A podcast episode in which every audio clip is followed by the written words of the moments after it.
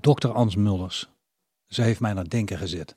Een hele interessante podcast die je na doet denken over het leven, over de dood, levensverlenging. We hebben ongelooflijk veel inzichten uitgewisseld. Lees, ik heb heel veel geleerd over het brein, maar ook over dementie en andere geestesziekten. Euthanasie. Ik denk dat ik hier nog lang over ga nadenken. Ik wens je niet alleen plezier, want er is ook gelachen, maar ik wens je ook heel veel inzicht. Hans Mulders.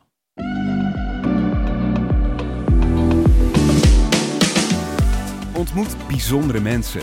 Leer nieuwe dingen. En update je mening. Dit is de podcast van New Life University. Update je mening met Anatol. Anatol is topcoach en spreker in het bedrijfsleven. Hij begeleidt leden van raden van bestuur, topdirecties en high potentials van grote Nederlandse organisaties. En traint bij New Life University mensen die willen groeien of op een kruispunt in hun leven staan. Tap in op zijn kennis en netwerk en laat je inspireren. Update je mening met Anatol. Kijk naar de podcast op ons YouTube-kanaal New Life University en abonneer je. 2006, 2007, 2008, wanneer hebben we elkaar ontmoet? 2003. Lekker. Ja, serieus? Ja, dat is waar. Dat is lang geleden. Hans, leuk dat Impact nog. Impact, management en advies uit Breda. Dat klopt. Klopt. Ja. En toen zijn we door, eh, door een park gelopen. Dat is een van de ontmoetingen. Dat weet ik nog wel. Nou, dat. Leuk dat je er bent. Leuk om hier te zijn. Het is misschien heel stom, eh, maar eh, zou je jezelf eens willen voorstellen? Dat weet je allemaal nog niet. Eh, ja, natuurlijk. Eh Ans Mulders. Ehm, eh, allereerst ben ik ehm, moeder van twee. 22 en 20 inmiddels. Time flies. ja. Ehm, en ik woon in Berkel en Schot. In de diepe Brabant, diepe zuiden, zoals je wel kan horen. Waar, waar, waar die hele mooie show is opgenomen in de druivenbos. Weet je wat ik Die- wil? Ja, verschrikkelijk. Ja. Ja, ja, ja, daar. Dus, op een steenworp daar vandaan, inderdaad. Oh, Wel voor mij een droomplek. Mijn eh, ouderlijk huis, oude boerderij van Mooi 100 daar. jaar oud. Lekker tussen de landerijen met de nou, paarden en eh, lekker relaxed. Mhm. Dus dat is mijn, eh, mijn thuishaven. En als hobby's heb ik eh, eh, arts zijn, dokteren. Oké, die vol. ja, specialist ouderengeneeskunde ben ik. Dus ouderengeneeskunde is wel echt mijn passie. Mhm. Ehm, van oudsher. En ehm, nou, ik zit dus ook al mm, vijf- 26 jaar in dat vak. En in dat vak ook ehm, de eerste zes jaar eh, vol passie er tegenaan gegaan. En inmiddels eh, twee kleine kinders toen der tijd. En toen eh, was ineens eh, de ruif leeg. En dus in, toen in een burn-out gedoken. met alle ellende die daarbij komt. En nou ja, dan ontdek je dat dat, dat dat alles te maken heeft met dat je eigenlijk te weinig regie hebt over wat het leven allemaal op je af eh, jaagt. En een burn-out bestaat dus. En een burn-out bestaat. En dat was heel heftig. En ik was, ik ben redelijk van de no-nonsense. eh, zo eh, ken je mij ook. En ehm, het was ook heel fysiek. En misschien wel omdat ik het vooral fysiek moet voelen. eh, voordat, ik, voordat het voor mij echt is. Mhm. Maar ik, ik werd gewoon draaiduizelig. En ik reed bijna met kids en al de sloot in. Met, de auto. Mhm. Dus het was echt een wake-up call. En toen ben ik echt letterlijk eh, nou, omgevallen. En twee, drie weken plat gelegen en nauwelijks eh, op kunnen staan. Mhm. Toen weer zachtjes opgekrabbeld. En dan krijg je zo'n goed bedoelende psycholoog. Een topmens hoor, ze heeft me echt eh, goed geholpen. Maar uiteindelijk, ja, wat me dan helpt, is... ehm, of waar ze mij mee probeerde te helpen is van ja, je gaat hier doorheen komen en het komt weer goed. En ontdek je eigen kracht en ontdek je passie. En ga maar eens kijken of dit beroep wel bij, me, bij je past. Ik dacht echt, of dat beroep bij me past. Hoezo? mijn leven. is mijn leven, ja, dat dus. Eh, dus nou ja, dat, dat was wel grappig. Want dan moet je wel, je wordt wel gedwongen om even alles ter discussie te stellen. Mhm. En daarmee ontdekte ik dat juist mijn vak inderdaad mijn passie was. En dat dat heel erg bij me paste, maar dat dat ook veel van me vroeg. En dat ik dat in combinatie met twee jonge koters eh, moeilijk in balans kon brengen. Omdat ik zowel een topmoeder wilde zijn als een topdokter. Nou ja, en er zitten toch maar 24 uur in een dag. Mhm. Ehm, dus, nou ja, hersteld na, geleidelijk aan. En na anderhalf jaar ehm, zat ik weer bijna op hetzelfde pad. Toen kwam er een, eh, had ik een, hele toffe manager. En die, zei, die zag dat. Die zag dat voordat ik het voelde. Dat was eh, mijn redding. Ehm, die zei van, je gaat weer dezelfde kant uit. Ik zei, nou, ga ik nadenken. Zei, die, kan je helpen? Ik heb een goede coach voor je. Het was een collega destijds van jou, bij Impact, iemand. En eh, die heb ik één keer gesproken en die zei... ik denk dat jij met Anatol moet gaan praten. Nou, zo eh, zijn wij gestart. En ehm, ja, ik, helemaal in detail heb ik de herinnering er ook niet meer aan. Maar dat is dus ergens 2002, 2003 geweest.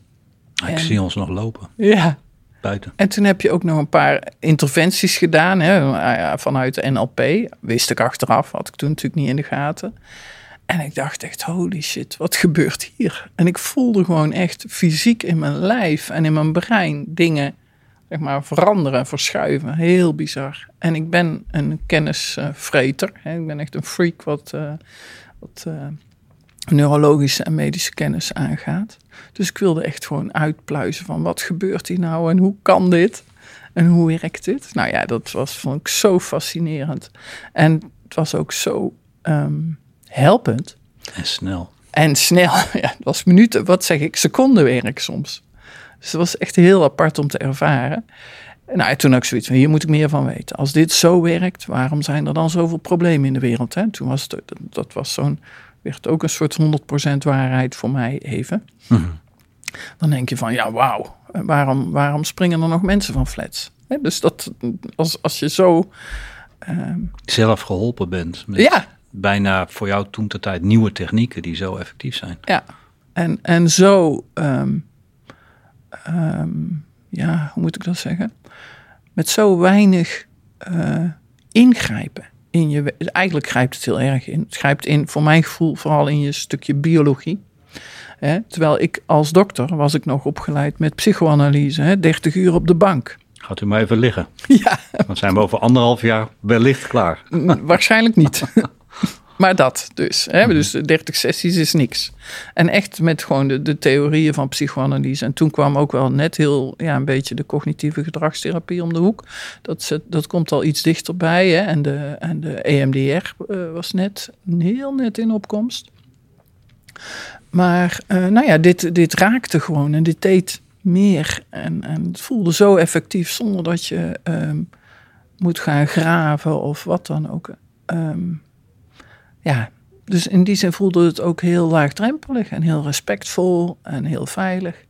En dan toch dat je denkt van ja, maar weet je, die knop is gewoon om. Had ik nou maar eerder geweten waar die knop zat. Hè? Dus, dat, dus toen dacht ik, als ja, hij het kan, dan wil ik het ook. dan wil ik het ook.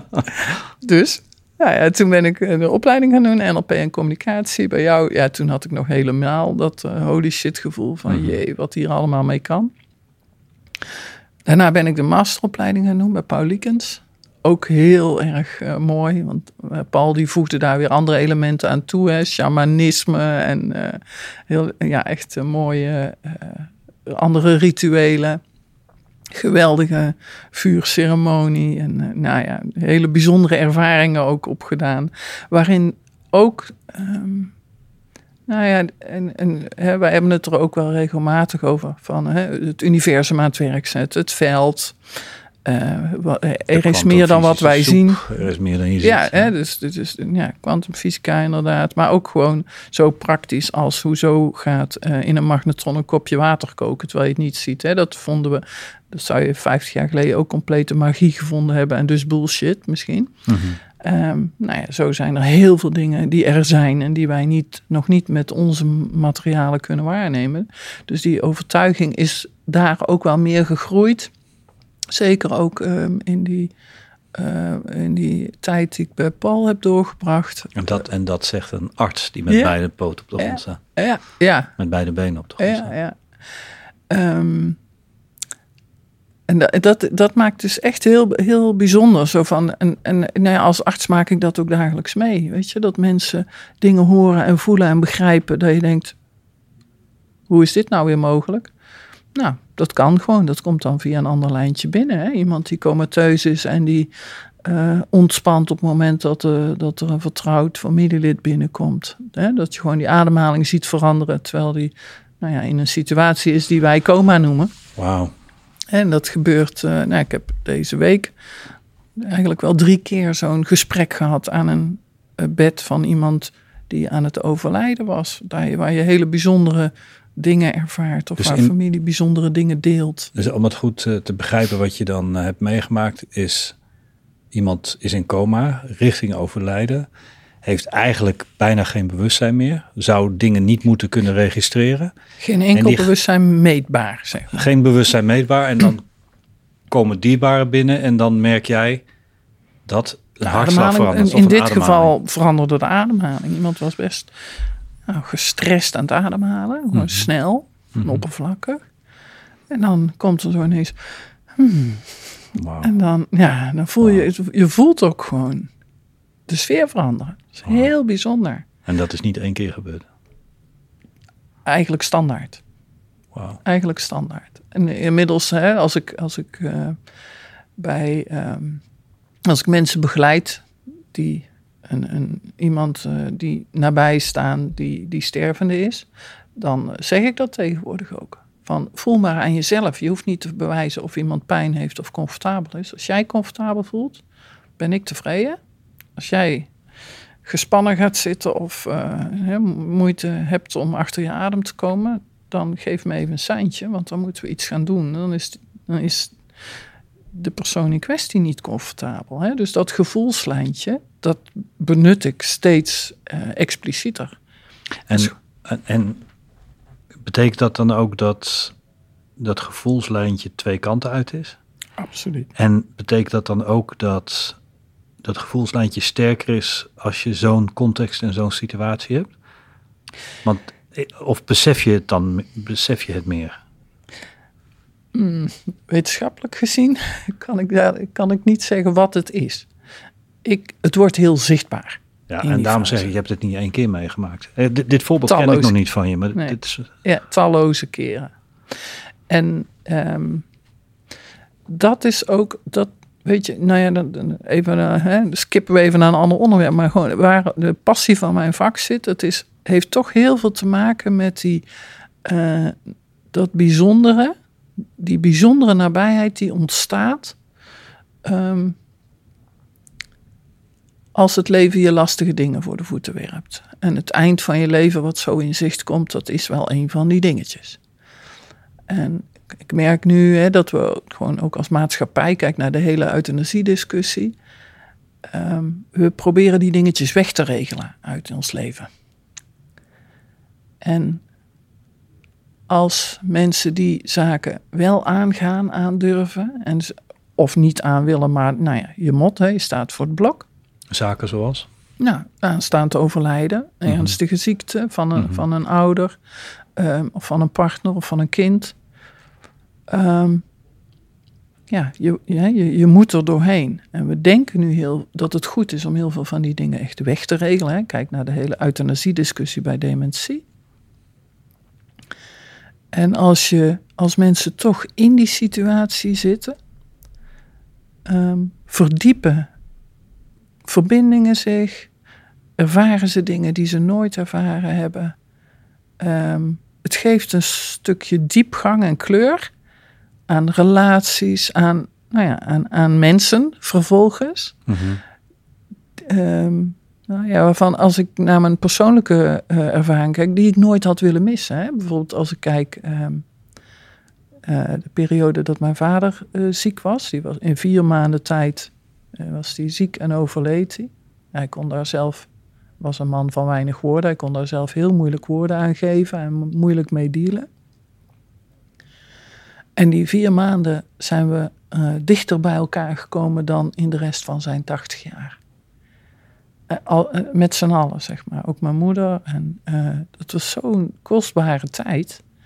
Die had ik dus echt niet willen missen. Hoe komt dat dan, dat je ja, dichter bij elkaar dat, komt? Ja, dat heeft, je communiceert dieper. Maar ik denk ook dat je um, onbewuste gevoels communicatie op een ander level komt. En is hè? het misschien dan ook dat je dingen van je afwerpt waar je misschien last van had? Ik weet niet hoe de relatie met je, met je vader was, maar zou het kunnen zijn dat dingen als boosheid, rancune, jaloezie en nog heel veel Ja. andere emoties gewoon even er niet meer toe doen, waardoor je die, die, die verbinding meer Ja. krijgt? Nou, ik, ik denk dat Dat is een vraag. Ja, dat is zeker eh, is een relevante vraag. Ik herken hem in mijn persoonlijke situatie niet. In de werksituatie zie ik het vaak wel. Mhm. Dat mensen, als mensen Staat niet dat meer in de weg. achter... Ja, dat, dat wordt dan irrelevant. Ehm, in mijn eigen situatie was er wat dat betreft niet zo heel... of eigenlijk geen boosheid of rancune. Ik had ook niks om boos over te zijn... want ik heb een, nou ja, hele prima eh, tijd gehad... en eh, heel eh, vrolijk en vrij opgegroeid. Ehm, maar juist hè, ook in die vrij... Mijn vader was nooit van heel intens contact... of dingen echt dus diep doorpraten. Mhm. En daar, dat heb ik, daar ben ik niet boos over, maar dat, dat ontstond juist in dat laatste stukje. En toen was het nog niet eens met woorden, maar meer met, ehm, ja, met gevoel of met kleine dingetjes die je voor elkaar doet. Of een paar woordjes die gezegd worden.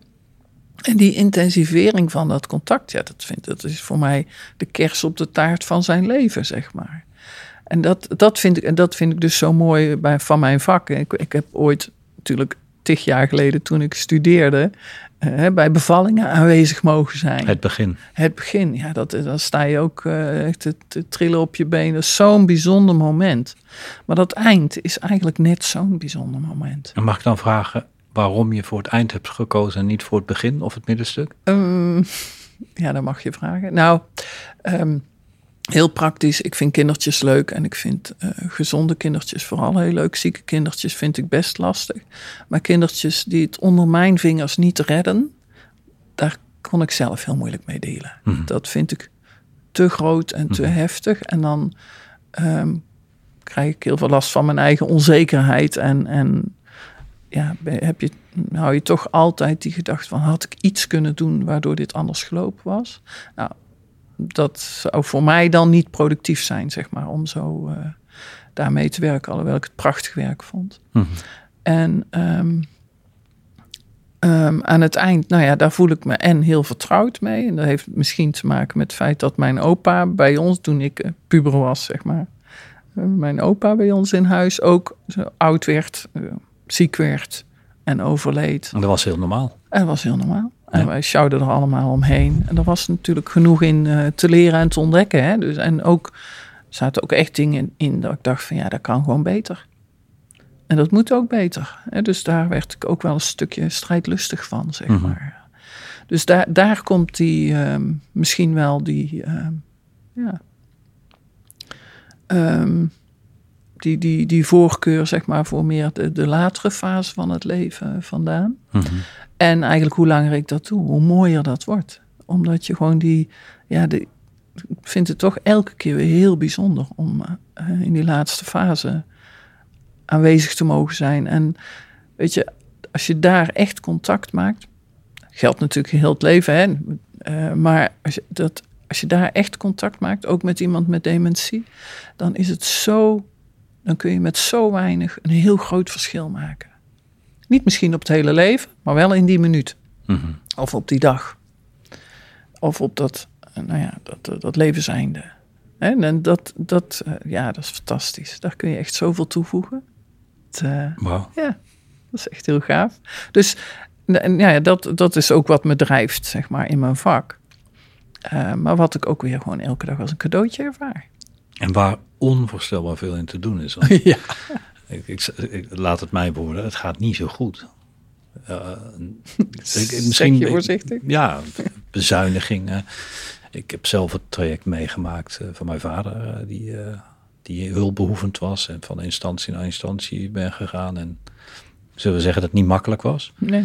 En we zijn nou wat jaren later. En ik heb het niet over de intentie van de mensen, want die zal de beste zijn. Maar potverdorie, zullen we dan zeggen dat de zorg al onder druk staat? En, en zeker als je je hele leven, nou laat ik wat emotie uitspreken. Je hele leven ben je bezig om iets op te bouwen. Dan een deel van je leven bouw je iets samen op. En heel veel mensen sparen, letterlijk of figuurlijk, uh, om dan een mooi, mooie oude dag te hebben. En dat wordt toch wel door heel wat neuzen geboord, heb ik zo het idee. Ja. En, en ik kan me voorstellen dat je passie alleen nog maar meer aanwakkert. Ja, ja. Uh, ja. Um, dat heeft wel twee kanten. Want aan de ene kant, um, um, weet je, wordt alle ellende van de ouderenzorg of die zorg in de laatste levensfase, wordt uh, nu zeg maar heel erg uitvergroot. En ik denk dat dat de zorg en de inzet van mensen en, en alles wat we daarin doen. Die enorm is, hè? Ja, die enorm is. Dat doen we dus ook enorm tekort. Dus ook uh, de, de, zorgverleners, ook de ziekenverzorgenden, de helpenden en zo. Die mensen die, die doen echt, die, die rennen zich de benen onder hun kont uit. En die, die werken echt keihard om het mensen naar de zin te maken. Die voelen ook dezelfde machteloosheid die familie uh, voelt hè, als je met zo'n nare ziekte geconfronteerd wordt. Um, en wij kunnen die machteloosheid en die confrontatie met nou ja, dat onvermogen kunnen wij in de zorg niet wegpoetsen. Dus alle pijn, zo, dat is mijn interpretatie, hè, maar heel veel van de pijn van um, achteruitgang, het niet meer weten, het niet meer kunnen, uh, hè, van in de wereldtop hebben gestaan qua kennis of uh, weet ik veel wat. En dat moeten laten gaan. En daar, dat is niet meer functioneel in dat laatste stuk van het leven. Mm -hmm. En daarmee, um, nou ja, daal je ook mogelijk op de ladder, zeg maar. Hè? Op de, als, je, als je hele leven bezig bent geweest met om een sociale ladder te beklimmen. Mhm. En je moet geholpen worden. Um, bij het plassen. Bij het plassen. Bij het hè? wassen. bij, hè? Of, of je hebt in je bed gepoept. -hmm. Dat, weet je, dat voelen wij als dalen op de sociale ladder. En die pijn, die kan de zorg niet wegnemen. Is dat, dat is een decorumverlies wat, wat de mensen zelf hebben, maar daarnaast is het, is het ook. Ja, ik, ik denk niet eens, want heel vaak zijn de mensen zelf zich daar ook heel pijnlijk van bewust. Ja, ja. Um, maar ze kunnen niet anders. Hè? Dat is wat ons lijf ons uh, flikt in die laatste fase. En wij kunnen dat in het verpleeghuis ook niet veranderen. Um, maar word je dan niet, ja. word je dan niet daarop aangekeken? Enorm. Ik denk dat dat hele beeld um, onterecht afstraalt op de hele ouderenzorg. Omdat we die aftakeling, die vinden wij razend moeilijk om te zien. Nou, ik heb bij mijn vader gezien, hè, jij bij jouw vader. Ja, ik, ik stond die... hem omhoog te houden in de douche. Ik denk, god, dit is de inspirerende vent waar ik ja. tegen opkeek. Nou, ja, nou moet ik gewoon de basale dingen die hij zelf niet meer kan uh, voor hem doen. Was ook heel mooi. Ja, dus het brengt je ook dichter bij elkaar. Ja. Het, geeft, ook een nieuwe verdieping van de relatie die je eerder had. Mm -hmm. Maar het heeft ook een prijs. Het is gewoon ook heel pijnlijk en verdrietig om te zien dat iets afbrokkelt. Wat, Mhm. mm -hmm. Waar iemand heel zijn leven zo hard aan gebouwd heeft. Mm -hmm. En uh, ik heb wel eens het idee dat dat verdriet en die pijnlijkheid um, iets doet met de beeldvorming van de ouderenzorg. Want het is eigenlijk een lelijk stukje van het leven wat we als maatschappij liever niet zien. Dus wat los van het feit. Wegregelen ja. uit ons leven. Precies. En los van het feit dat er misschien dingen wel of niet goed zijn geregeld. Dat, dat alleen al, maar het komt erbij. Dus de, de perceptie van mensen is gewoon dat het een beetje ugly is. Ja. En kijk, jij hebt het ook gezien van dichtbij, ook ervaren dat het ook mooie kanten op kan leveren. Um, wij merken dat de mensen die zeg maar dat die intensiteit nog niet hebben meegemaakt, het scherpst zijn in hun oordeel. Ja, dit is het mooie. Dit, uh, ja, ja. Mm -hmm. Wat wilde je zeggen? Ja, iets wat totaal niet relevant is. Want wat jij zegt is veel relevanter. Ja. Nee, dit maakte iets in me los en ik zag iets. Uh, ja. wat, wat ik heel moeilijk vond is eh, dat mijn pa uiteindelijk overleden is. En dat hij overleden is aan iets anders eh, dan waar iedereen aan dacht dat hij overleden was. Dat is heel zuur. Ja. En wat, wat ik heel moeilijk vind, vond, is dat... Ik zal het zo cryptisch mogelijk zeggen, dat ik niemand daarmee tekort doe. Maar dat eh, om half vijf, geloof ik, of kwart voor vijf, eh, iemand van de afdeling kwam en zei: Nou, het is nu toch wel eh, bijna een weekend, dus misschien moeten we dan toch ja, de morfine maar ehm, zijn werk laten doen. En dat heb ik niet zo opgeslagen. Dat is echt zo gebeurd. Mhm, mhm. Dat is wel heftig. Heftig. Maar even terug naar. ehm, want dit, dit gebeurt allemaal mijn kopje nou. Even terug naar ehm, die perceptie. En, maar, maar ook vaak dat jij op je donder krijgt als arts. Of misschien wel het verplegend personeel. Aan dingen waar je misschien niets aan kan doen. Omdat je tegen die perceptie vecht. En dat er misschien een aantal regels is die in het grote geheel handig is. Of niet handig zijn. Maar ik denk dat je ook heel veel shit eh, naar je toe krijgt. Ja. Of valt dat om ja, dat valt reuze mee. Eh, en dat heeft te maken met het maken van die verbinding. Ehm, en ehm, weet je, in de intensiteit rondom één individu krijg- krijgen we het eigenlijk altijd mooi opgelost. Of kun je samen het verdriet bespreken en de pijnlijkheid en hoe graag je het wil dat het anders is. Ehm, dus individueel merk ik dat niet zo. Ik, eh, ik merk dat meer in de, nou, de social media, de beeldvorming, eh, politieke besluitvorming, financiering. Dus het hele. eh, nou ja, er zijn, hè, er- nu is er weer een manifest. Eerst was er ook een manifest. Maar die manifesten die beginnen eigenlijk bij een hele negatieve beeldvorming. En dat vind ik al jammer. Mhm. Daarmee eh, doen we de zorg eigenlijk al te kort.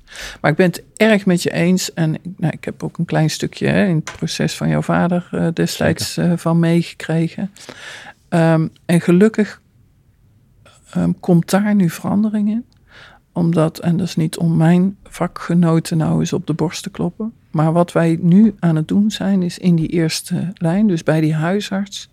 Maar ook in de ziekenhuizen bij de specialisten om dat stukje integratie eh, voor elkaar te krijgen van eh, alle aandoeningen die eh, kwetsbare oudere mensen kunnen hebben. Om dat dus bij elkaar te brengen en goed dat puzzeltje te leggen en denken samen, wat is hier nou wijsheid? Wat heeft iemand nodig? Wordt hij nou beter van die nieuwe hartklep? Of van een, iemand die, die thuis een stukje gezelschap biedt en helpt met het huis schoonhouden? Hè? Dus de, ehm, ehm, juist om dat soort puzzels eh, te leggen, Moet ik dan zeggen integraler? in het, het totaal. Mhm. Dat is precies het woord. Mhm. Dat is echt. ehm, kijk, en wij denken in de geneeskunde hebben we natuurlijk heel lang gedacht dat we mensen in stukjes konden hakken. Hè? Er is een hart en daar hebben we een specialist voor. En er stel longen in en daar hebben we weer een andere specialist voor.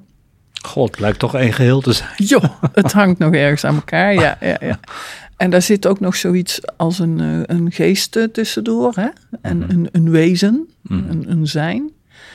En ehm, nou, het is, het is heel mooi dat je dat zeg maar eh, in ons vak bij elkaar kan brengen. Maar dat je ook op het eind van het leven dat weer bij elkaar kan brengen. En dat het nu ook zo gevoeld wordt als dat, zeg maar, dat je bijvoorbeeld bij de huisartsen ehm, op die manier hun kwetsbare ouderen in, in beeld kunt brengen. En een huisarts kunt helpen met van, goh, welk plan zetten we hier nou uit? En hè, moet, eh, moeten die ziekenhuiscontroles nog doorgaan of kunnen we dat in de thuissituatie doen?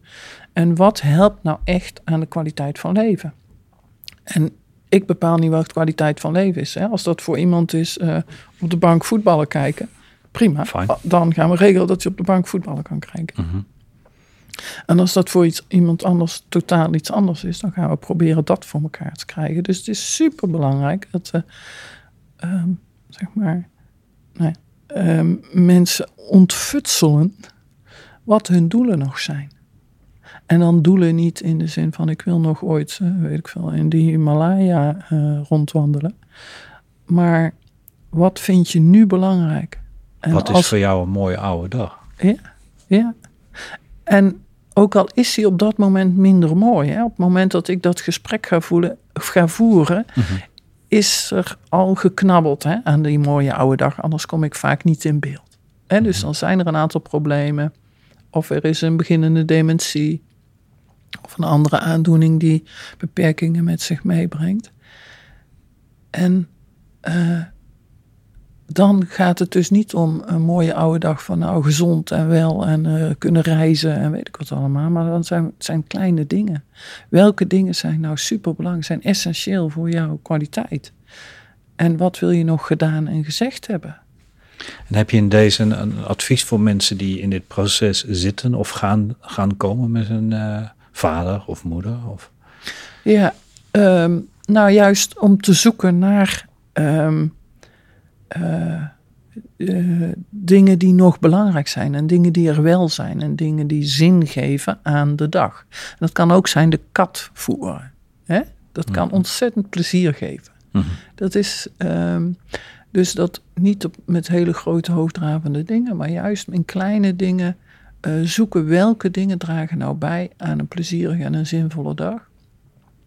En wat we nu bijvoorbeeld um, uh, aan het ontwikkelen zijn, of wat, wat ook wel landelijk steeds uh, meer populair wordt, is bijvoorbeeld het ophalen van behandelwensen in plaats van het stellen van de vraag: wilt u gereanimeerd worden? Weet je, we keren hem om. Wat, wanneer, wat maakt het voor jou nog zinvol? Wat, waar moeten, wat moeten we zeker bestrijden en wat moeten we zeker nastreven? Um, en dat is, is, veel relevanter uh, dan uh, zeggen: wilt u nog gereanimeerd worden of niet? Hè? Vroeger dachten we, tot nog niet zo heel lang geleden, dachten we dat het genoeg was als je. Uh, wist van iemand wil die gereanimeerd worden, wil die euthanasie. Hè? Nou, de het notariaat. Uh, jaren geleden. Ja, zeker. En die wordt nog steeds gesteld. Maar dat is een hele armoedige vraag. To say the least. Ja. En de notarissen, vanuit hele goede intenties, uh, um, helpen daar nu in mee. En heel veel mensen denken dat ze hun levenswensen uh, bij de notaris moeten vastleggen. Um, medisch gezien hoeft dat helemaal niet. Het gaat erom dat iemand, en dat, dat, dat, dat eigenlijk iedereen, um, uitgedaagd wordt om na te denken over wat vind ik nou belangrijk in mijn leven. En dat, nou ja, dat, heb, hè, dat heb jij mij in 2002 al laten zien, zeg maar, dat dat belangrijk is. Maar ook als je in het laatste jaar van je leven, als je naar, tegen dat jaar aankijkt, mag je ook weer uitgenodigd worden om die vraag te stellen. Zeg je dan eigenlijk, uh, nee dat zeg je niet, maar ik probeer even de rand op te zoeken.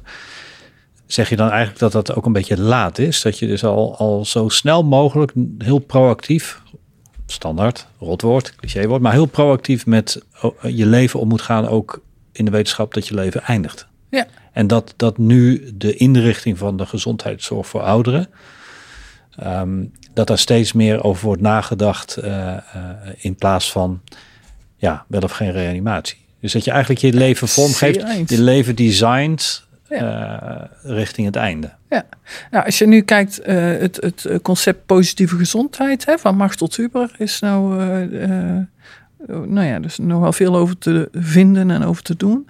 En dat, dat concept gaat daar heel erg van uit. Van op alle levensgebieden, van wat streef je nou na en waar, waar ben je? Haal je dat doel of niet? En wat zou je nog kunnen doen om dat uh, te halen? En dat brengt juist in een soort, ja, een soort cirkelmodel, zeg maar, al die domeinen in kaart. En dat kun je inderdaad um, in elke levensfase doen. Van, van wat vind ik nu belangrijk? Hè? Op het moment dat je met kleine kinderen zit en, en daar je uitdaging hebt om alle ballen in de lucht te houden. Um, maar ja, eigenlijk past dat in elke fase van het leven. En we beginnen er inderdaad pas in dat jaar, laatste jaar over te praten. Vaak te laat mee, dat hoor ik je zeggen. Ja. Zonde. Ja. Hè, dus, en wat we, wat we nu doen, en dat vind ik dus zo'n verarming, is um, die hele discussie over uh, dat laatste jaar. Um, dat is wat wij nu dan bij de notaris, of weet ik wel, proberen wij weg te regelen. We gaan een, wilsverklaring of een euthanasieverklaring invullen van, nou, maar als ik in het verpleeghuis kom, dan wil ik niet meer. Nou, dat, is, dat is een hele ingewikkelde. Hè? Dus daar, nou ja, we hebben net uh, twee weken geleden of zo die een zaak gehad waarin een collega van mij uh, van moord uh, beschuldigd is. Hè. Die stond voor de rechter. Is dat een collega of een directe collega? Van nee, ik ken hem niet uh, persoonlijk, maar het is een specialist ah, oudergeneeskunde. Ja, zo heet dat. Ja, nou, goed, er is... Wat is daar precies gebeurd? Kun Nou, ze heeft eh, euthanasie toegepast bij Mhm. een mevrouw die eh, dement was. Ehm, Een euthanasie is levensbeëindiging. echt actieve levensbeëindiging. sorry, actieve levensbeëindiging. Ja, er is, bestaat geen andere. Hè, Mhm. Maar dat, dat, is wat euthanasie is. Hè. Dus eh, deze mevrouw die had herhaaldelijk en ook van voorheen eh, echt herhaaldelijk eh, gezegd van nou, als dan, hè, dan, dan wil ik niet meer. Die dame was gevorderd dement in het verpleeghuis. Was voor een groot deel van de tijd verdrietig.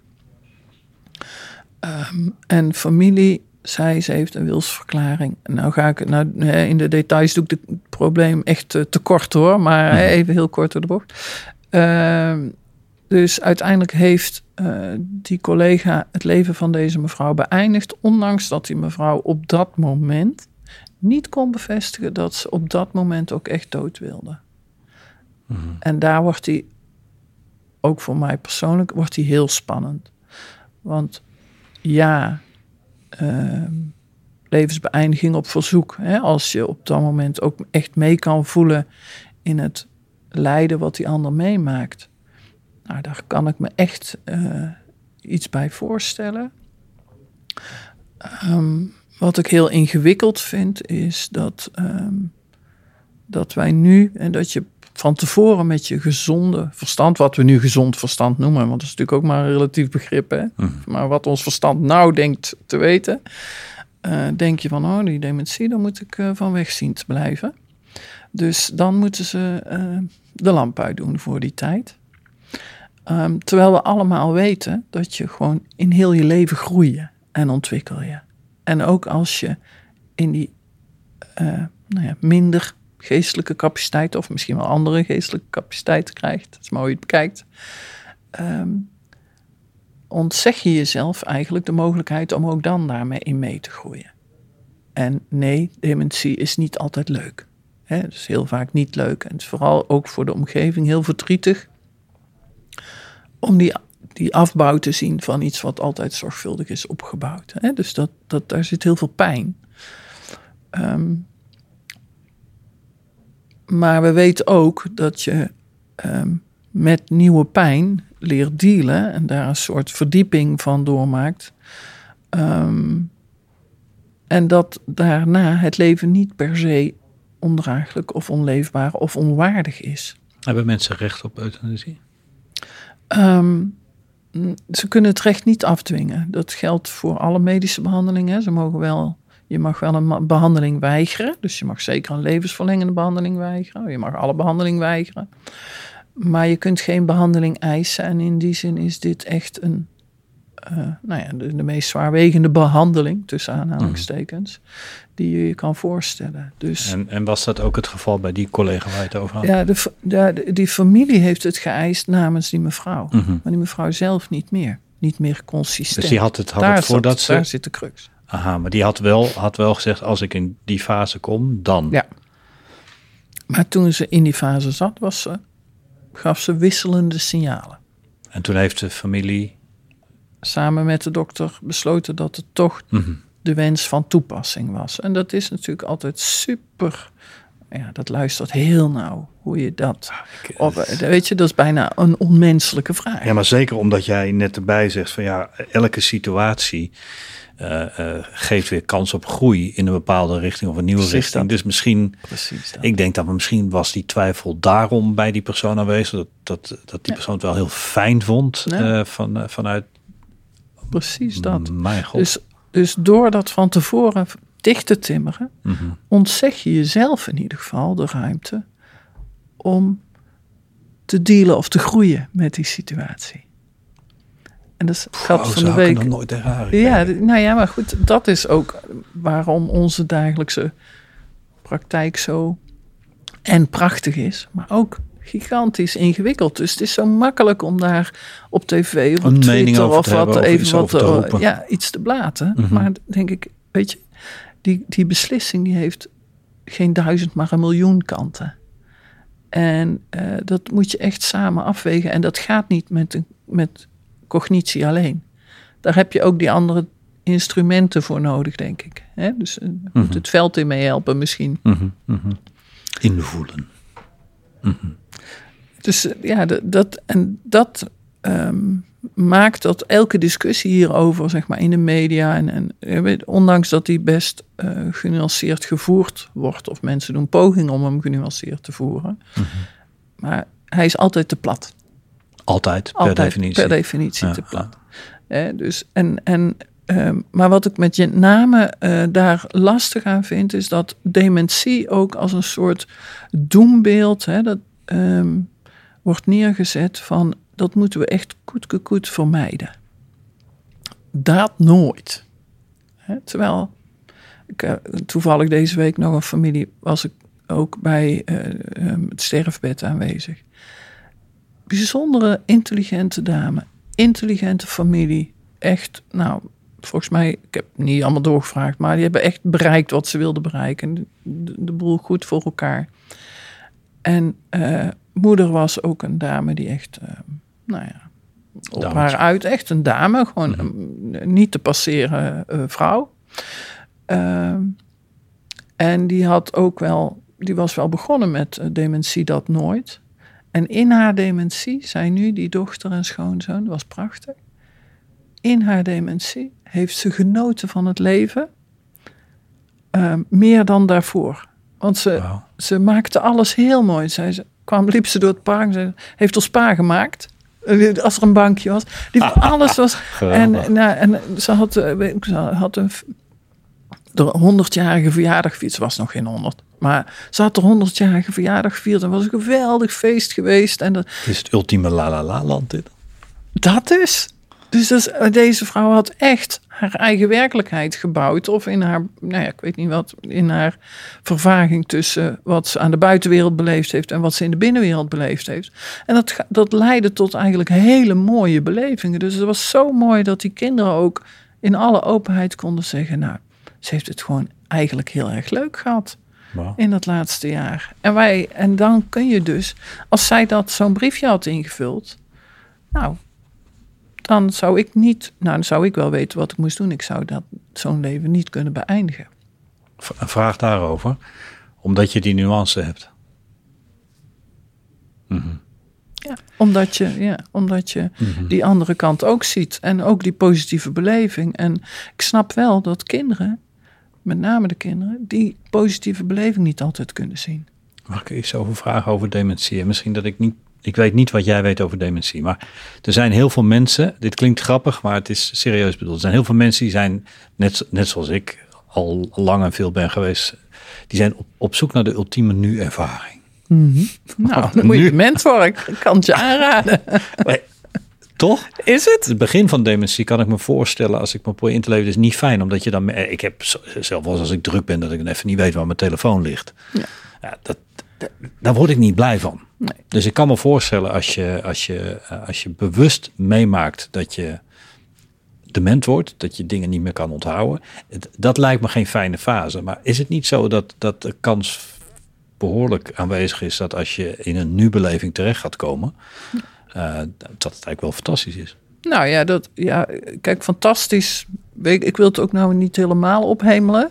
Maar het is wel erg mooi om te zien hoe deze mensen, zeg maar, zonder de belasting van gisteren en zonder de belasting van morgen, gewoon echt ja, nu kunnen zijn, inderdaad. En Geldt, gewoon- geldt dat voor elke vorm van dementie? Of Nee. zijn er ook hele negatieve... Nou, het, het, eh, het kan van. bij, het kan bij elke vorm eh, gelden. Mhm.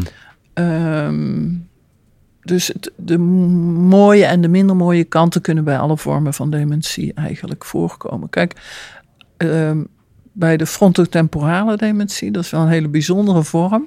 Ja, de voorkant van je brein. Ehm, die mensen ehm, zijn vaak iets jonger. Maar het is wel grappig, want die, die verliezen eigenlijk hun eh, zelfbewustzijn wat het lijden betreft. Dus die hebben, daar leidt vooral de omgeving. En die zijn juist erg, eh, soms wat ontremd, hè, dus eh, iets, iets ongepast. Maar die, die lijden zelf relatief weinig onder de situatie. In, in zijn algemeenheid, de uitzondering altijd daar gelaten. Dus, ehm, en die, die kunnen ook erg in het nu zijn. En inderdaad gewoon ja, geen last hebben van sores.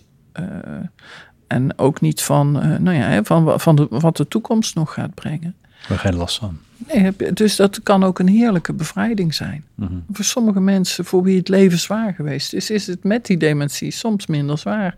En nou wil ik het niet echt mooier maken dan het is, want het is natuurlijk een hele nare ziekte. Het is gewoon echt een nare ziekte. Is hij niet veel naarder voor de mensen eromheen? dat per denk ik. definitie. Dat is mijn gevoel. Nou, je hebt- je hebt van weet ik niet, maar ja. zeker bij het vorderen van de dementie leidt de omgeving minstens, of nou meestal meer dan de persoon met dementie. En heb je een advies voor zo'n omgeving? Want we zoomen nu in op dementie, maar er zijn Ja. natuurlijk veel meer ik- Ja, ziektebeelden of beelden die met ouderdom te maken hebben. Maar als we het hebben over dementie, maar er zitten ook mensen te luisteren die dit gaan krijgen met hun familieleden. Wat, nou, wat- misschien wij allemaal ooit, als we oud genoeg worden. Ja, nou, daar gaan we ook nog over. Ja. Ik, ik ben helemaal into levensverlenging. Ja, daarom. Maar heb je een advies voor mensen die eh mee zitten te kijken of te Ja, luisteren? probeer in het hier en nu te komen, samen. Betekent dat dat je zegt, eh, geniet van de tijd die je nog hebt? dat. Maar ehm,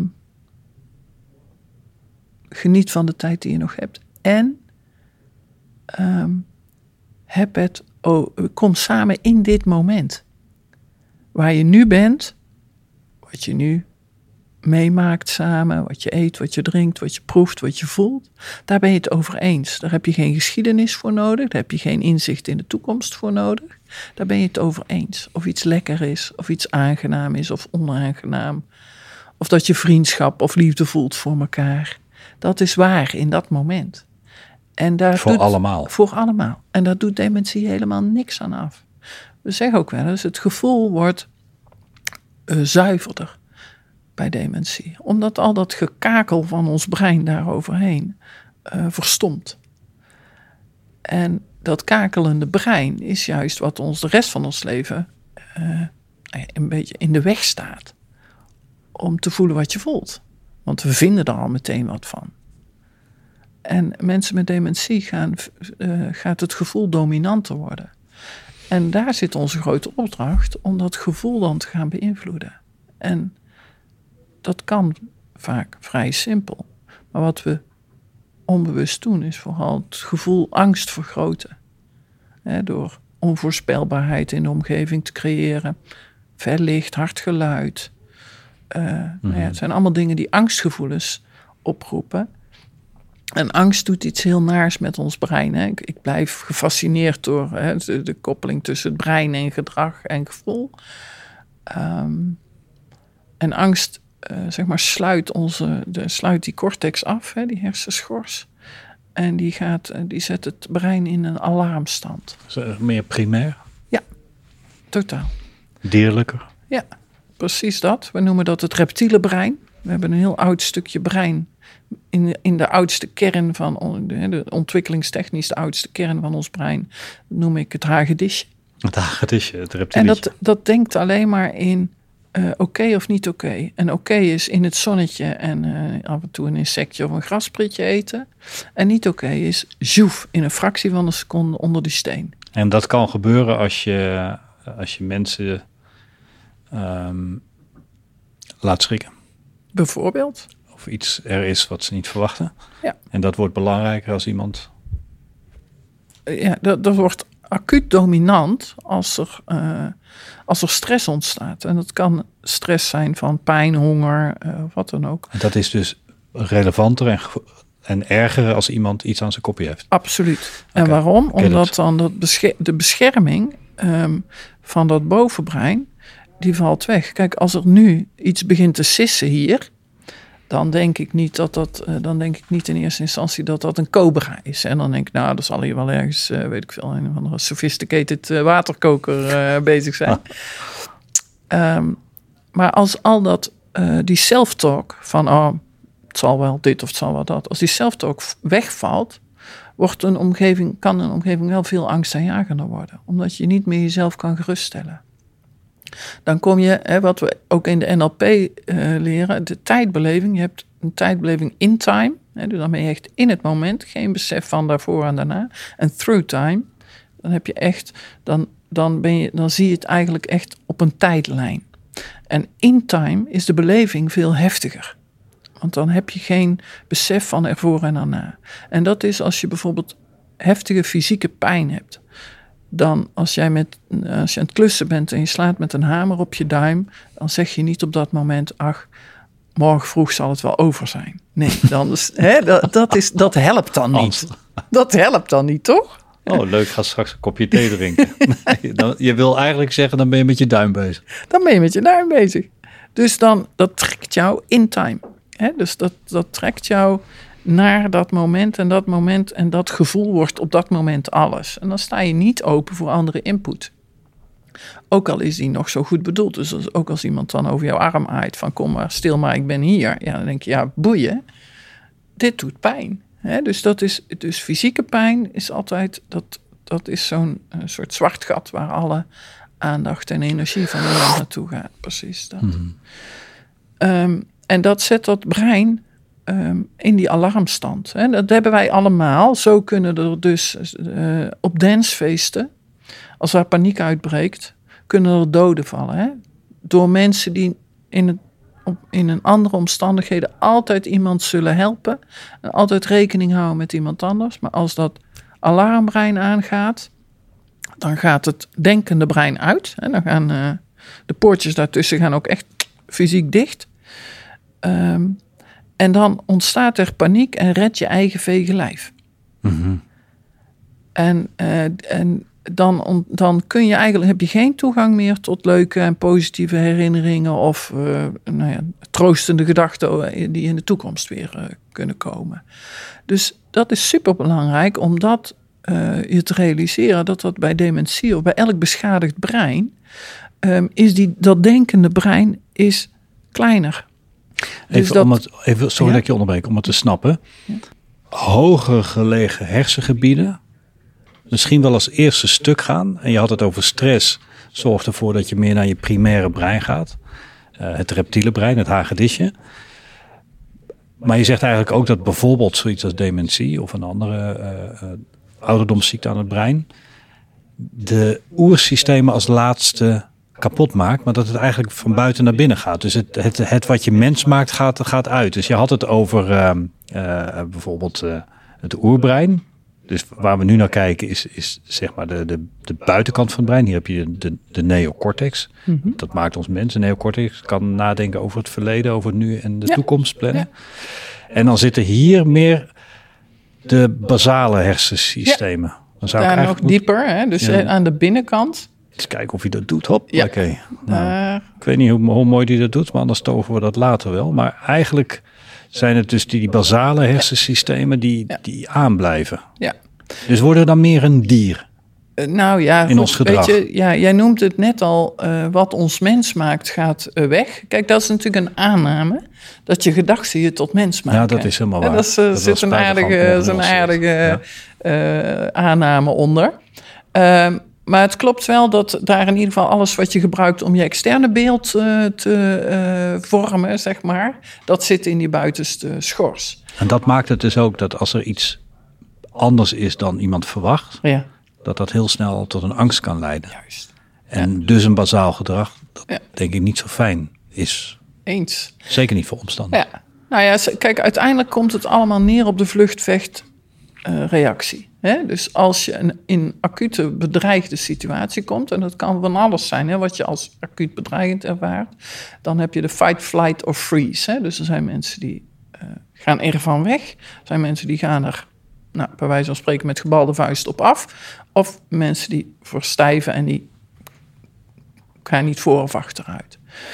Uh, dat regelt dat basale brein. Dat is dat hagedisje, hè, wat als daar zo'n schaduw, als het ineens, het was zonnig en er ontstaat ineens een schaduw, dan is dat dus een vogel hè, die overvliegt en die dat uh, hagedisje wil snijden.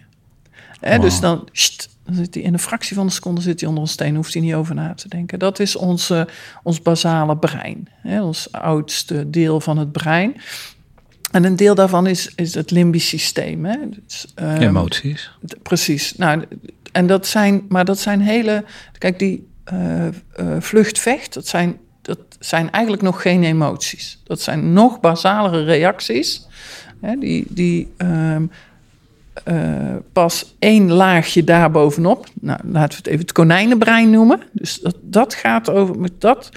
systeem, en dat, dat, daar kom je meer in de buurt bij het limbisch systeem, dat werkt echt met de bang, boos, blij, bedroefd emoties. Vier grove emoties um, die heel sturend en bepalend zijn voor gedrag, um, maar die nog niet echt overdacht worden. Pas die, die, die hersenschors weer, die, die, die buitenkant, die bla bla uh, aap, zeg maar, die denkt weer van alles over emoties en die vindt daar van alles van en die slaat emoties op in hun context, want dat kwam door en die geeft er ook graag nog iemand de schuld van. He, behalve het eigen limbisch systeem. Dat is wel interessant. Dus die, die hele hersenschors, die, die maakt daar een heel verhaal Je praat over mens zijn hier. Ja, ja, ja. Dat is interessant. Ja, ja. het is maar een fractie van het mens zijn, denk mm. ik. Maar goed. Uh, ja, maar dus die, die, uh, die meest basale emoties van vlucht, vecht en dat laagje daarbovenop bang, boos, blij, bedroefd. Zonder dat het zeg maar echt in het bewustzijn komt van ik voel mij bang, want of boos op die en die manier. Of heel boos en weinig boos. Nee. dus dat, dat, daar heb je allemaal die schors voor nodig. Maar die uh, vlucht, vecht en bang, boos, blij, bedroefd, die zitten in dat onderbrein. En um, dat onderbrein, dat zit inderdaad hè, op dat plaatje ook in dat centrale deel van het brein. En dat is ook heel handig. Dat, zit, uh, dat is ook uh, uh, is echt slim ontworpen, als dat ooit bewust ontworpen is. Want dat zit dus heel goed beschermd. Al die pudding met blabla, bla, zeg maar, dat is ook voor een deel bescherming. En in dat centrale deel zit ook je, het regelen van je hartslag, je ademhaling, je bloeddruk, je, de wijte van je bloedvaten. Hè? Dus eh, zoiets als blozen of flauwvallen bij spanning. Hè? Dus dat, dat wordt daar allemaal geregeld zonder dat we ons ervan bewust worden. En um, dat is ook heel handig dat dat in een centraal uh, deel van het brein zit. Hè? Want je wilt niet dat um, de eerste beste keer dat je je hoofd aan het keukenkastje stoot, dat uh, je ademhaling ermee ophoudt. Hè? Dus dat is niet zo handig. Dus daarom heeft dat, zit daar een mooie laag eh, omheen, die dat allemaal buffert. En waar je best wat happen uit kan missen, want al dat bla bla. Uh, is misschien wel niet wat voor jouw voortbestaan... om dat niet te hebben. Ja, hè, maar ja, nee, dat is niet waar jouw voortbestaan van afhangt. Mm -hmm. hè, dus uh, de, de, kern van ons bestaan um, uh, zit, zit, echt ook in de kern van het brein. En al, dat hele, die hele dikke kwap die daar in de ontwikkeling overheen gekomen is, ja, die, die, nou ja, die, die tettert er overheen, zeg maar. En die helpt ons met een heleboel dingen, hè, want daarom zitten we hier nou natuurlijk ook tussen allemaal mooie technologie. Maar in de essentie um, hebben wij, worden wij ook hier uh, gedreven, zeg maar, door die kern mm -hmm. uh, van ons brein. En dat, is, dat zit in een behoefte aan veiligheid, verbinding,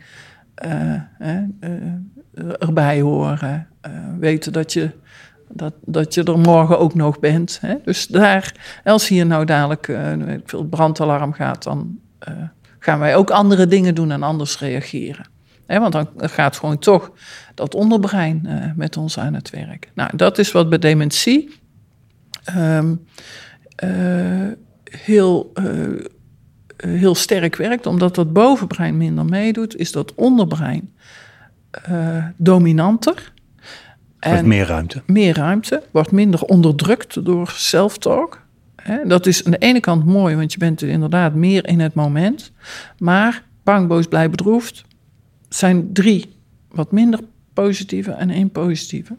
Dus dat is wel een, um, een uitdaging om het juist aan de blije kant, of op zijn minst aan de neutrale kant te houden. En zodra iemand, dat is zo mooi met dementie, Zodra iemand in een relaxte staat is, heb je toegang tot die cortex. Ook al zitten daar wat gaatjes in, hè, tot die hersenschors. En ook al zitten daar wat uh, haperingen in, maar daar zitten nog heel veel functies. En in een relaxte toestand zijn, staan al die poortjes naar dat, hè, al wat er mogelijk is, staan al die poortjes open.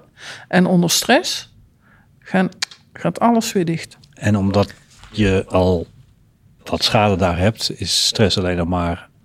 Sneller dominant. sneller dominant, ja. ja. Ah, interessant. Dus ben je dan ook bezig om mensen op, op een oude dag eh, vooral die rust te geven? Ja.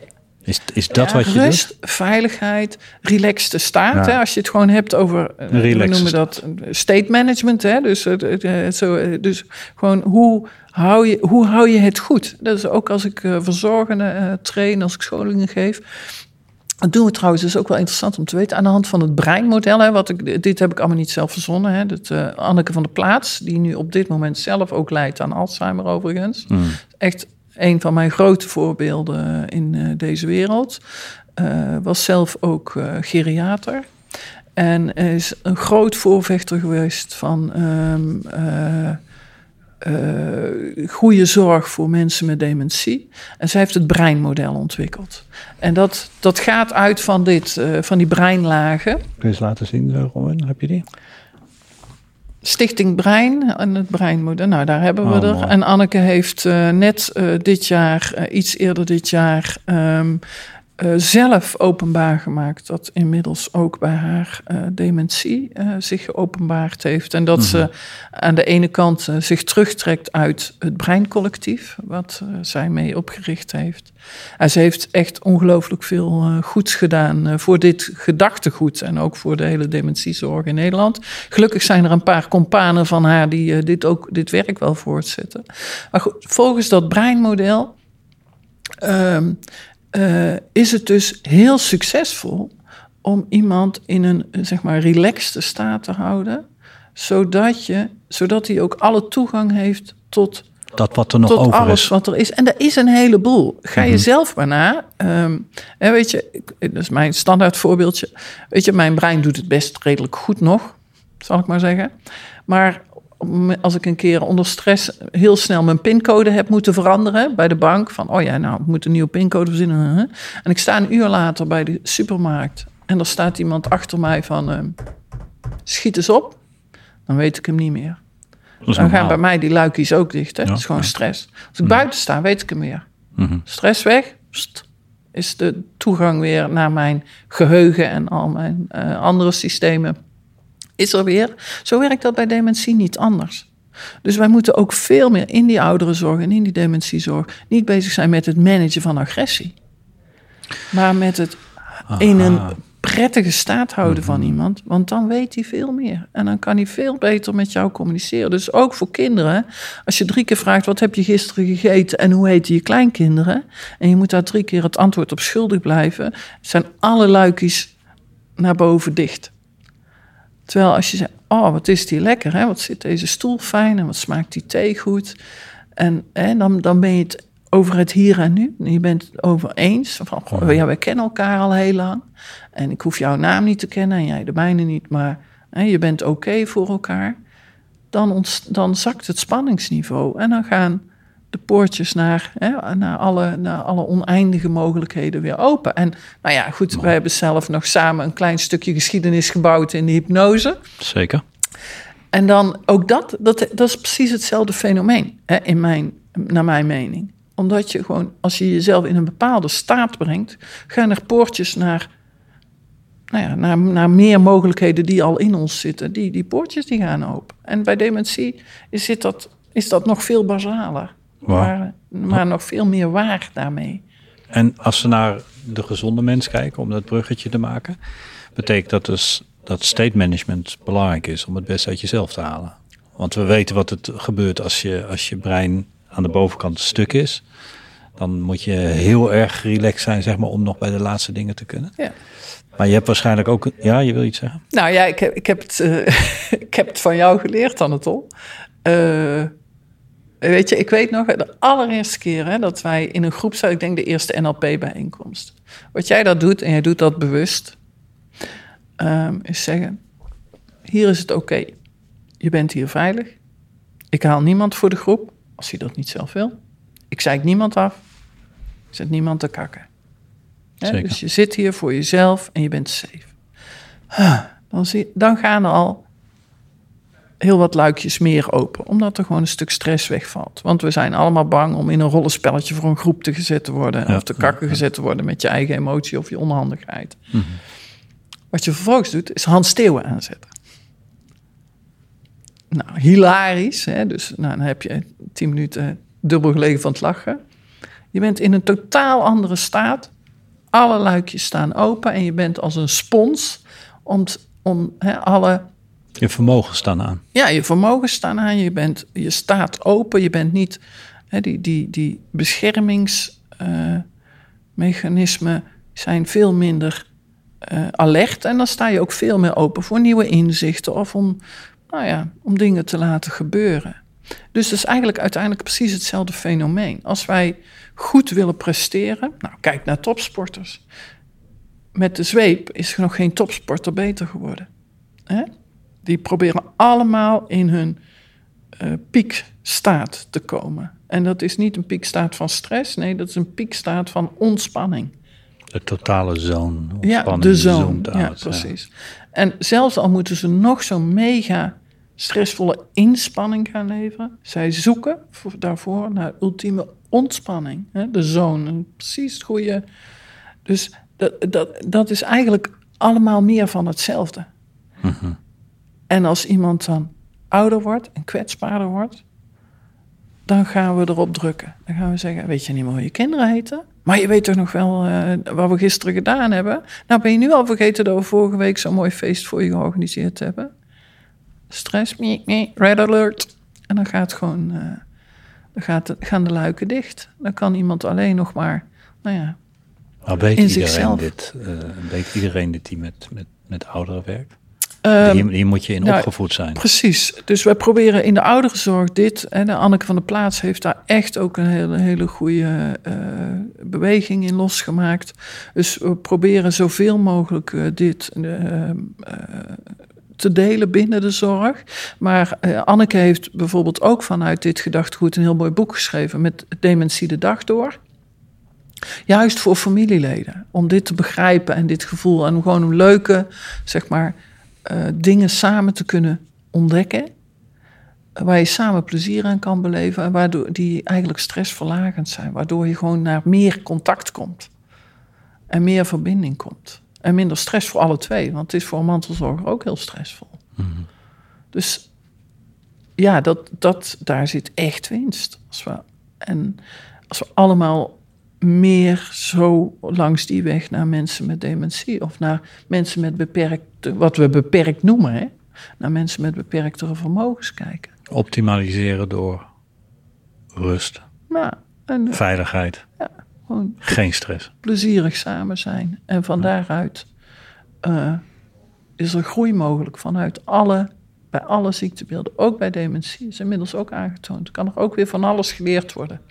Toch wel. Als je maar begint bij een relaxed basisbrein. Kun jij in een, in een paar woorden zeggen wat dementie is? En dan heb ik het over wat is dan de hardwarefout en of hoe is het veroorzaakt? Ja, nou, de- Zware metalen zitten ergens ja, achter mijn ja, hoofd. ja, precies. Dat is wel ooit geroepen, maar het is allemaal best moeilijk hard te maken. Dementie is eigenlijk geen ehm, ziekte op zich. Dementie moet je zien net zoals koorts. En dat noemen we een syndroom. Het is een groepje verschijnselen die samen voorkomen. En over die, dat groepje verschijnselen maak je dan een afspraak. Dat noemen we zus of zo. Dus als het boven de 38 komt, noemen we het koorts. Zo heb je bij dementie ook een aantal symptoompjes die je bij elkaar telt. En dan zeggen we, dat noemen we dementie. Maar net zoals je koorts kan hebben door een hersentumor of door een ontstoken teen, kan dementie ook door heel veel verschillende onderliggende ziekten veroorzaakt worden. En dat kan zijn door stapeling van eh, nou ja, eh, giftige stoffen. Hè? Maar eh, nou, de meest voorkomende is Alzheimer. En eigenlijk is het, eh, ik, ik sla het even heel plat, een probleem met eh, de afvalverwerkingssysteem.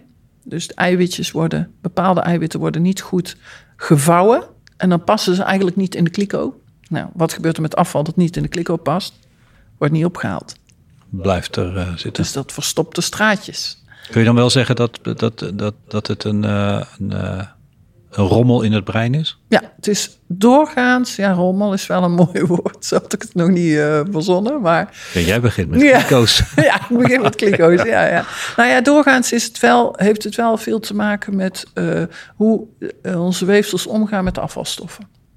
En ophoping daarvan. En we hebben hele, hele super ontwikkelde, ehm, prachtige systemen van afvalverwerking, zeg maar, in elke cel. Elk eiwitje wordt weer op zijn manier gevouwen, getransporteerd en onschadelijk gemaakt. En als er in dat systeem een uh, obstructie is, dan, ehm, dan stapelt het en dan afval. Nou, als, hè, als het afval hier meters hoog in de straat ligt, dan heeft dat dus consequentie voor de gezondheid van de omgeving. Zo is dat in het brein niet anders. Dus dan gaan gewoon cellen daaromheen dood.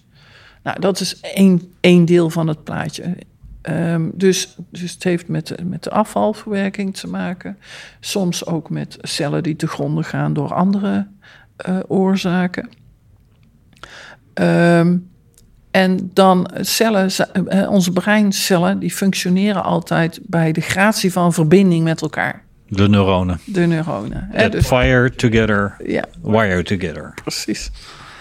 Um, en als je daar wat neuronen tussen uitknipt, wordt die communicatie uh, minder soepel. Maar we weten ook dat ze weer nieuwe verbindingen kunnen aangaan. Plasticiteit. Totaal. En die blijft. Dat weten we inmiddels ook. Ook bij dementie.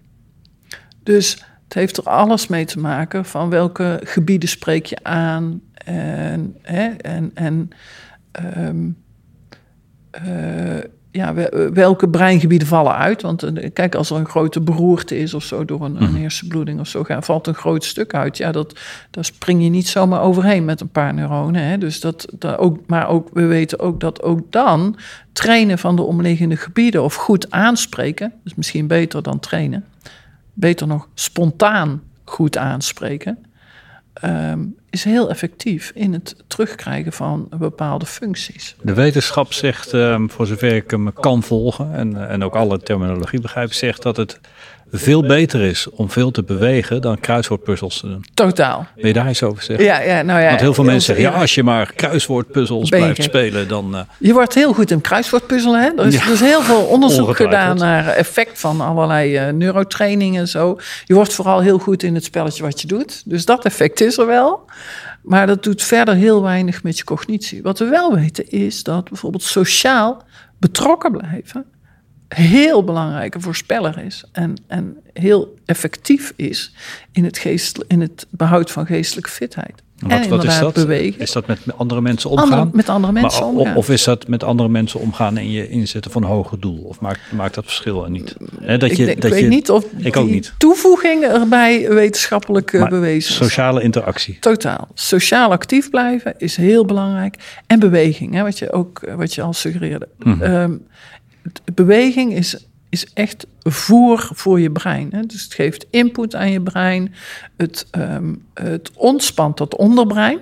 Hè? Dus dat is ook uh, heel belangrijk. Ook bij, als mensen bevriezen, hè? dus vanuit dat als dat onderbrein in paniek gaat en je komt weer in beweging, letterlijk, dan um, hebt dat angstgevoel ook weg. We weten ook bij depressies hè, dat mensen zich daar letterlijk uitwandelen. Dat wandelen net zo effectief is in veel situaties dan uh, medicatie. Tuin ontspitten.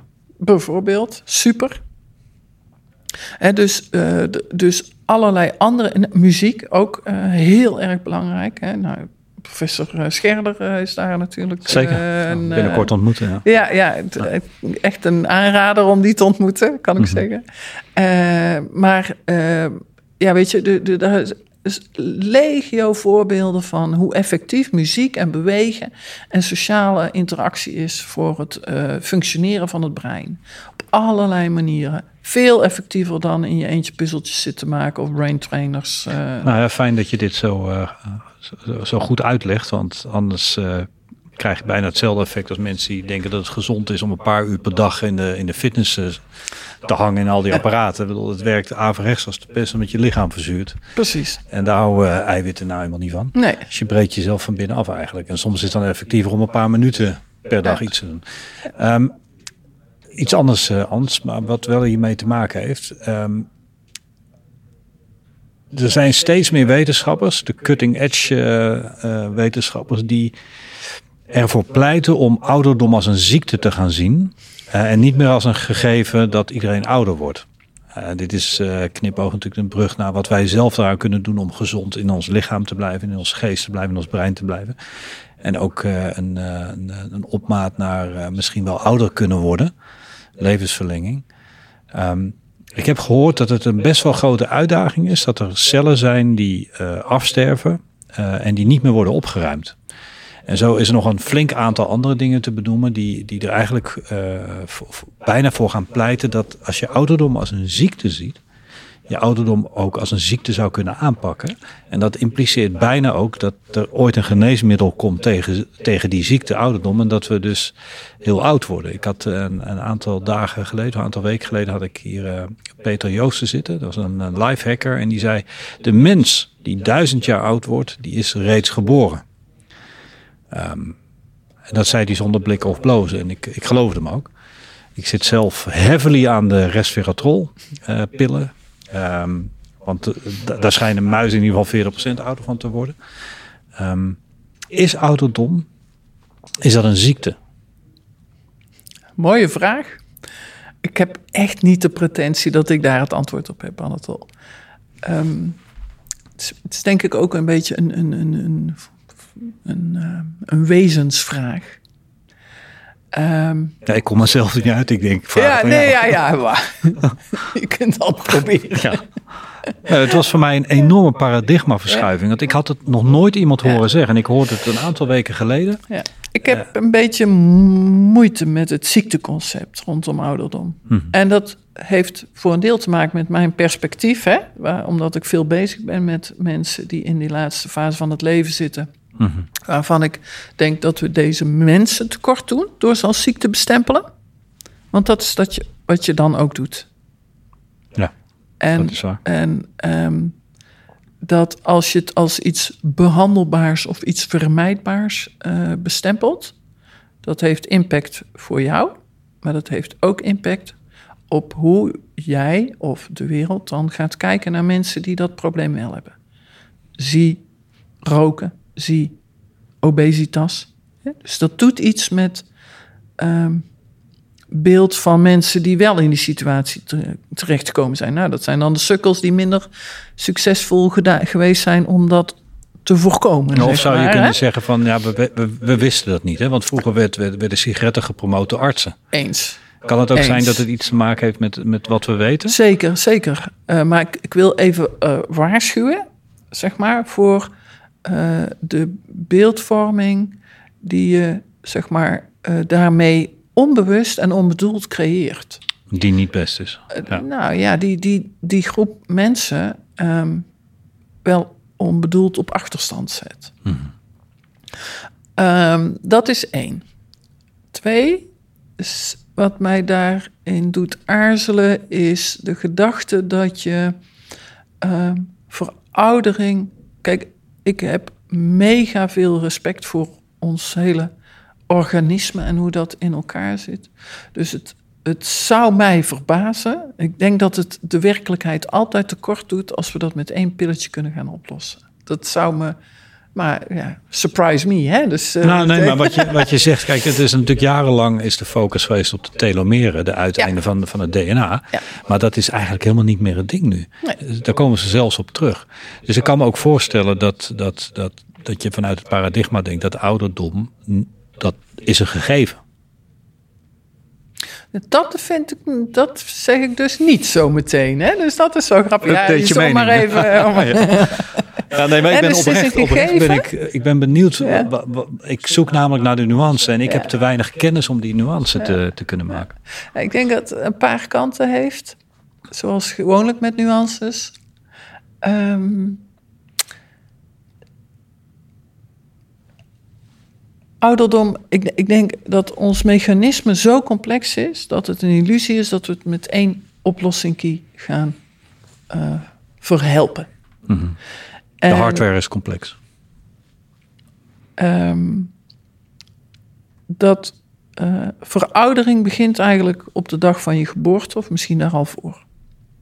En dan op het moment dat jouw cellen gevormd worden, um, zit daar al, daar zitten allerlei, ook al, en dat heb jij ongetwijfeld dan ook al bij elkaar uh, gespeurd, hè, daar zitten allerlei programma's in die eigenlijk bepalen hoe oud die cel mag worden. Zeker. En als we kijken naar kwaadaardige ziekten, dat zijn eigenlijk cellen uh, die, die weigeren te verouderen. Die weigeren gehoor te geven aan die eh, mechanisme van begrenzing van hey, jij mag 30 dagen leven, want anders komen er te veel van jouw soort. En dat groeit lekker door. En dat groeit kan lekker door. wildgroei En dat- worden. nou ja, dat, dat- zou zoiets kunnen zijn als kanker. En daar gaan we aan te gronden. Mhm. Dus zo complex is gewoon die hele systematiek. En het is, eh, ja, dus het, het ligt zo, zeg maar, er zit zoveel ongelofelijke fine-tuning in al die balansen. Ja. dat ik ehm, dat het mij wat bescheiden maakt in de gedachte dat ik die balansen met één ingreep of door druk op één knopje of door één trucje, dat ik al die balansen zou kunnen hacken. Heerlijk deze nuance. Want ik heb van, van alle artsen waar ik ooit mee heb gesproken... eigenlijk niets anders gehoord dan dat. Het ontzag wat je krijgt voor, de, voor, het, Ja. voor het leven en voor het lichaam. En Ja. hoe cellen met elkaar coexisteren, samenwerken. Ongelooflijk. En als je aan iets draait, dan gaat er iets anders. Ben je op de hoogte van CRISPR? Ja, de, in de ingreep in DNA. En, en, en, en er zijn heel veel mensen die zeggen, ja, CRISPR, dat is het helemaal. Dan haal je gewoon de, de, de, de genen eruit eh, die niet goed zijn. en je plakt in. er een nieuw in. Ja. Maar de mensen die met nuance over CRISPR spreken, ehm, CRISPR met een C als je, als Ja, je ja. wil googlen. ehm, die zeggen, ja, maar als je daaraan draait, dan gaat er daar ook weer iets veranderen. En voordat wij zo ver zijn, nou, dat duurt nog wel eventjes. Ja. Eh, daarom, ik, ik hou van nuance. ja. Want voordat we het weten, daarmee deze, deze podcast ook update je mening. Dit is niet, niet, de nuance is van belang. En hoe meer je weet, ook over dit, hè, over, over al onze systeembalansen en alle, overal zitten Mhm. terugkoppelingsloops op en daar weer loops op. Weet je, hoe Alleen meer al je de weet, kalium in het bloed, geloof Oh, joh. ik. Dat, weet ik, dat Ja. heb ik nooit volgehouden Volgens helemaal te mij begrijpen. is dat het hele, het hele kaliumsturing is al te veel voor één menselijk brein om te bevatten. Hè? Precies. Dus, dus dan hebben we het nog maar over één elementje. Laat Mhm. staan complexere moleculen, laat staan eh, DNA. Dus, en ik heb zelf ook ooit in een grijs verleden aan DNA gesleuteld. Ik heb ook echt in het lab zitten pipetteren en PCR'en. En eh, super interessant, machtige materie, maar het maakt je ook meteen humble. Humble, dat is Eh, het woord. Hè? Ja, dus ehm, eh, hoe meer je weet, hoe meer je weet wat je niet weet. En dat, Mhm. is, eh, dat gaat hier zo op. Dus tot nog toe, ehm, zeg maar, eh, is voor mij, en dat is mijn overtuiging, hè, dus eh, die verandert misschien ook nog ooit, Mhm. maar eh, is zeg maar een simpele hack of een simpele oplossing. dat is, daarbij heb ik nu nog de overtuiging van dat dat alleen maar simpel is omdat we er nog onvoldoende van weten. Ja, Als we meer ja. weten, verdwijnt die simpelheid. weer wereld van... Ja. Ja, en natuurlijk gaat dat wel naar routes leiden, waardoor we weer een stapje verder komen. Mhm. En dus als je het dan hebt over een eh, zeg maar levensverlenging of niet oud willen worden, of Is ouderdom een ziekte? is ouderdom een ziekte, dan zit ik meer in de hoek van, dan moet je eigenlijk vanaf de geboorte proberen alle, alle nare invloeden uit te schakelen. Alle negatieve invloeden die ons systeem beïnvloeden. En denk aan eh, Externals. externals, Mhm. Ehm, maar ook internals, gevoel. Dus als je kijkt wat, wat jouw neurotransmitters de hele dag eh, met jouw lijf doen, eh, dat is ook niet eh, onaanzienlijk. En een deel daarvan volgt orders door de gedachten die je jezelf geeft. Totaal. Dus, hè, dus ook negatieve mindset doet gewoon ook iets met je lijf. En de gedachte dat als we dan 50 worden en denken: oh nee, we gaan toch niet oud worden. Of, hè, of ik, eh, ik wil niet oud worden, ik wil eeuwig leven. En dan beginnen, als we 50 zijn, beginnen we pilletjes te slikken. Eh, ja, ik denk, dan ben je al 50 jaar te laat. Ehm, ik denk dat er op die route, zeg maar, voortdurend kleine kansen liggen om gezonder en langer en beter te leven en om je systeem beter eh, en respectvoller te behandelen. Hè? Je hebt mij ook ooit in een van jouw trainingen hadden we het over respect voor de taxi. Het is je taxi Yes. die je ontzettend goed moet verzorgen. En eh, dat is net als met een auto. Als die dan eenmaal tien jaar oud is, gaan, moeten we niet ineens extra de olie gaan verversen. Dat hadden we vanaf dag één moeten doen. Ja, ik heb zelfs, ik, ja, als niet-medicus moet ik natuurlijk heel erg oppassen. Maar ik zou bijna durven zeggen dat als je fijne gedachten hebt, positief denken vind ik een beetje rot, hè, maar oké, als je positieve gedachten in het leven hebt en je eet slecht, en wat is dan slecht, oké, maar dat, dat dat misschien nog, dat het eigenlijk erger is om negatieve gedachten te hebben en goed te eten dan positieve gedachten en slecht te eten. Ik, dit is geen vraag aan je, want zoiets ongenuanceerd kan ik je niet voorleggen. Maar dat vermoeden heb ik.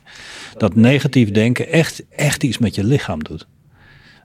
Als taxichauffeur hadden we, hadden we, dat heb ik je misschien toen de tijd al verteld, hadden we altijd een, eh, een soort uh, wedstrijdje met jezelf. Om in één of twee seconden in te schatten wat voor leven iemand had gehad. En dan keken we vooral naar het, uh, naar het uiterlijk dus. En naar het gezicht. Um, uh, of er een glimlach in het gezicht was vastgezet. Of de, de, de, de, de, de, de, de mond naar beneden trok. En of de huid helemaal kapot was enzovoort. enzovoort. En uh, als ik zo terugdenk, hallucineer ik een beetje dat, dat ik toen dacht te kunnen zien dat als mensen heel veel negatieve dingen voor zichzelf in hun kopie hadden, uh, dat de aftakeling er eerder was. En toen heb ik ooit eens het linkje gelegd dat dat misschien wel te maken zou kunnen hebben met de verzuring. Hè? We kennen het, iemand is een zuurpruim. Ja. De verzuring. Ja. Omdat ik weet dat zuur en eiwitten niet zo, zo fijn coexisteren met elkaar. Nee. Dat, dat breekt elkaar af. Of de, de, het zuur breekt de eiwit af. Wat moet je nou doen om je ouderdom, ik ga het nog een keer proberen, een beetje uit te stellen? whatever ouderdom dan zou zijn. Maar of wat zou je nou kunnen doen om die ouderdom zo goed mogelijk te beleven? En wat kun je doen om zo gezond mogelijk te blijven? En dan wil ik je uitdagen om dan meer als een ook arts een antwoord te geven met de nuance die ik nu kan geven. Met andere woorden, wat kan ik nou doen om zo optimaal mogelijk te leven mm -hmm. en misschien ook zo optimaal mogelijk oud te worden? Ja. Um, we weten in ieder geval de kruiswoordpuzzels Tuledoki. ja, als je daar lol in hebt, vooral doen. Hè, dus want, bewegen. Ja, nou, bewegen, uh, muziek. Hè, en doen wij dingen, als je echt lol hebt in kruiswoordpuzzels, vooral doen. Nee, want het gaat het, dus ook echt om dingen waar je lol aan beleeft. Want dat geeft je, dat goede gevoel, dat relaxte gevoel. Ja, en dat, dat maakt nou ja, meer mogelijk in je brein, maar ook beter in je lichaam.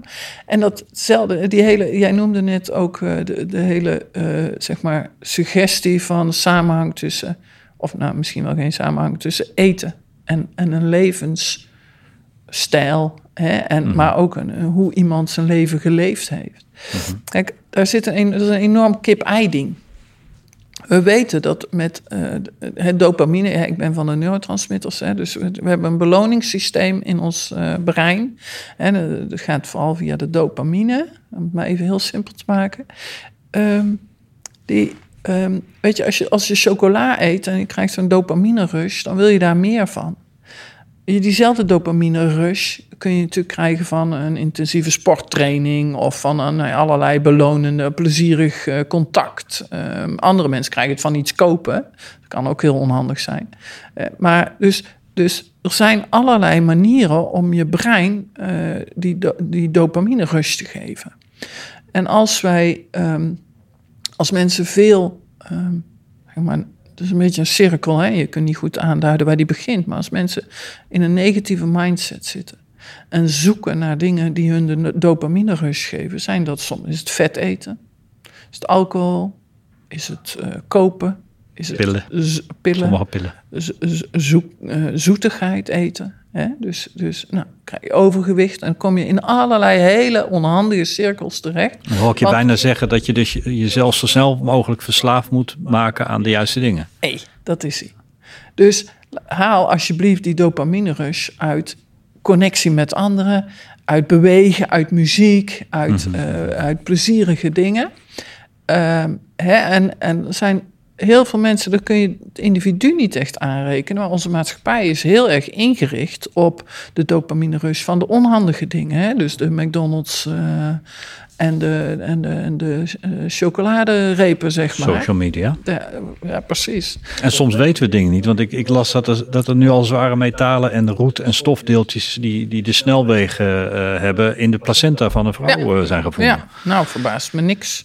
Dus, dus je hebt externe factoren, zeker, maar om daar zo goed zeker. mogelijk in te opereren, zorg dat je zo snel mogelijk verslaafd raakt aan Ja. Gezonde dingen. Ja, nou ja, ik, ik heb gisteren was ik de hele dag eh, was ik vrijwilliger bij een survival run. Dus uh, meegaan. Dat zijn echt echte bikkels. Hè. Dat gaat die sjouw met boomstammen, lopen 25 kilometer, doen 60 zware hindernissen waar ik er niet eens nou, eentje van kan uh, overwinnen, zeg maar. Dus echt... Dat zijn maar ouderen van 80 plus? Nee, nee, nee, nee, nee. Dat begint bij 15 jaar. Oh, oké.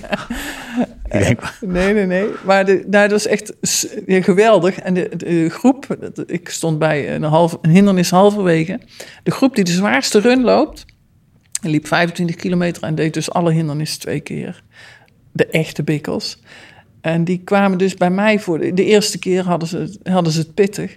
En de tweede keer, dan hebben ze dus er alweer uh, 18 kilometer op zitten of zo.